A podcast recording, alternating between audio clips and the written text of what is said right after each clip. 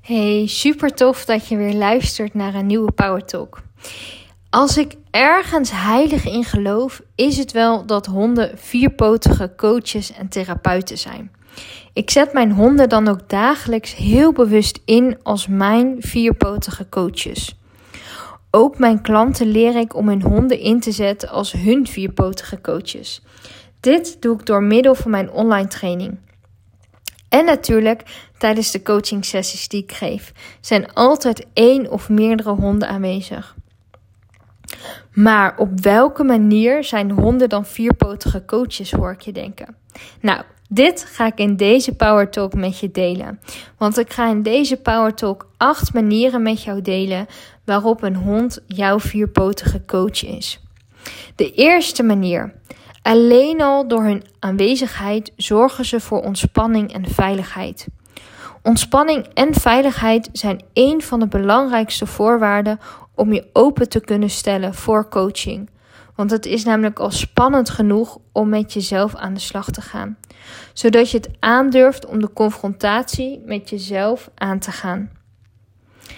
Of je nu actief coaching volgt bij bijvoorbeeld een coach die ook honden inzet, of wanneer je je eigen hond in het dagelijks leven bewust inzet als jouw coach. Een hond faciliteert hierin.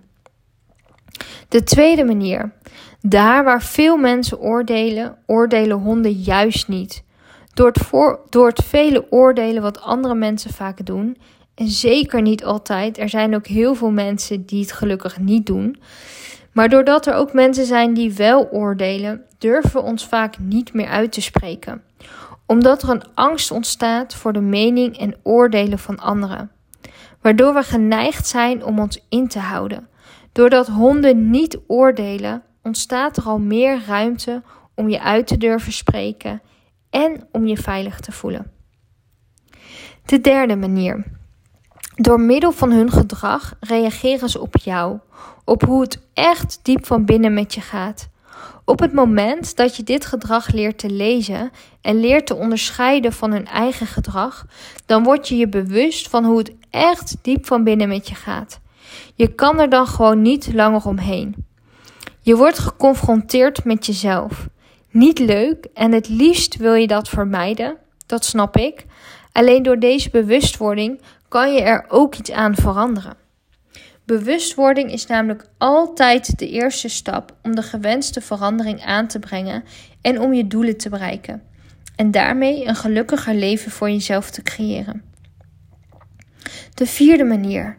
In het verlengde van wat ik vertelde bij de derde manier, hebben honden in de basis twee manieren waarop ze ons coachen. De eerste, ze kopiëren letterlijk jouw gedrag en gevoelens. Dit laten ze zien in hun gedrag, emoties en gevoelens.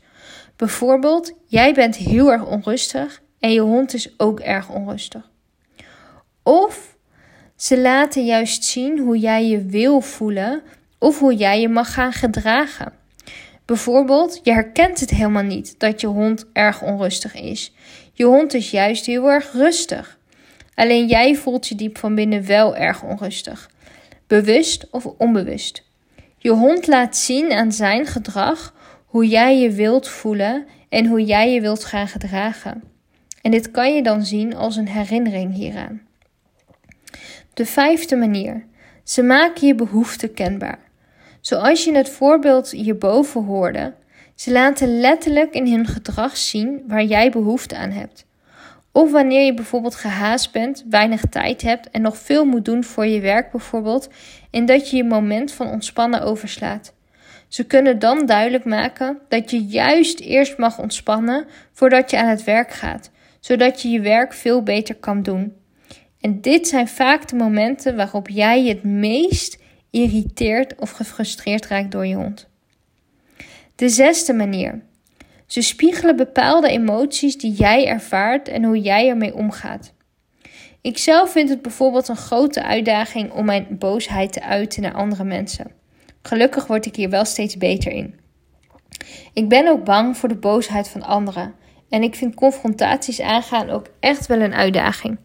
Ik kan daar behoorlijk bang van worden en in paniek raken.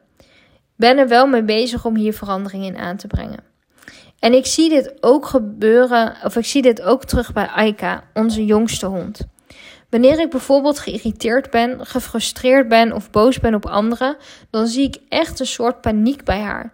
Ze gaat me dan uit de weg en zit in een hoekje te trillen. Echt super zielig. Dit is hoe ik me letterlijk voel bij boosheid en confrontaties. Ik ga het het liefste uit de weg, net zoals Aika. Ik tril van buiten en van binnen, ook net zoals Aika. En de paniek is aan mijn ogen af te, af te lezen, ook net zoals bij Aika. Hier laat Aika dus heel mooi zien hoe ik me gedraag en voel bij frustratie, irritatie, boosheid en confrontaties. Doordat ik hier bewust op let, word ik bewust gemaakt door haar van mijn eigen gedrag en emoties. Waardoor ik hier bewust iets aan kan doen, zodat het zowel voor mij als voor haar beter wordt. Tegelijkertijd vermoed ik dat dit ook deels haar eigen gedrag en emotie is. Zulke heftige emoties zijn ook gewoon niet fijn om te voelen bij anderen. Ik weet pas zeker of het ook haar eigen gedrag en emoties is wanneer ik het bij mezelf veranderd heb. Dan kan ik namelijk zien wat er bij haar nog van over is. De zevende manier. Honden hebben uiteraard ook hun eigen gedrag en emoties. Bijvoorbeeld door trauma's die ze hebben meegemaakt, door hun eigen levenservaringen en door hun eigen emoties en gevoelens. Maar dan kan jij er nog wat van leren. Stel, je hond ligt lekker voor zich uit te staren, even te ontprikkelen omdat hij daar behoefte aan heeft. Jij voelt je voor de rest prima, dus het is geen spiegel. Maar het gedrag van je hond is wel een herinnering voor jou dat jij ook even uit het raam mag staren en niks doen.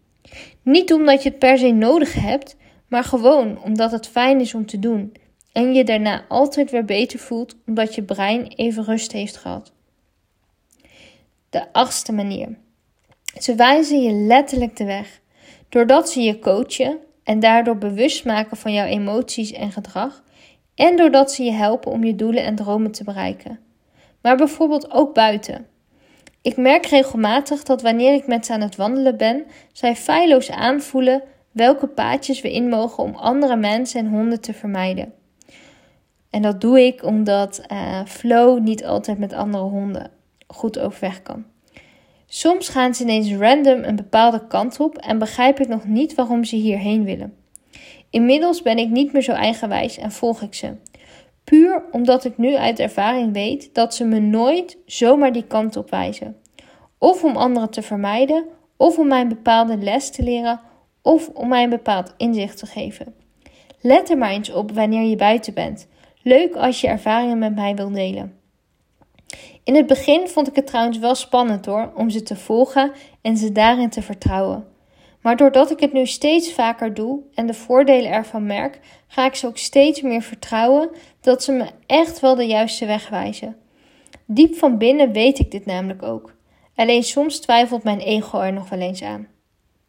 Wil jij ook graag leren hoe jij het voordeel van deze acht manieren kan ervaren in je leven? Dan roep mijn online training in zes stappen ontdekken wat jij van je hond kan leren over jezelf, jou.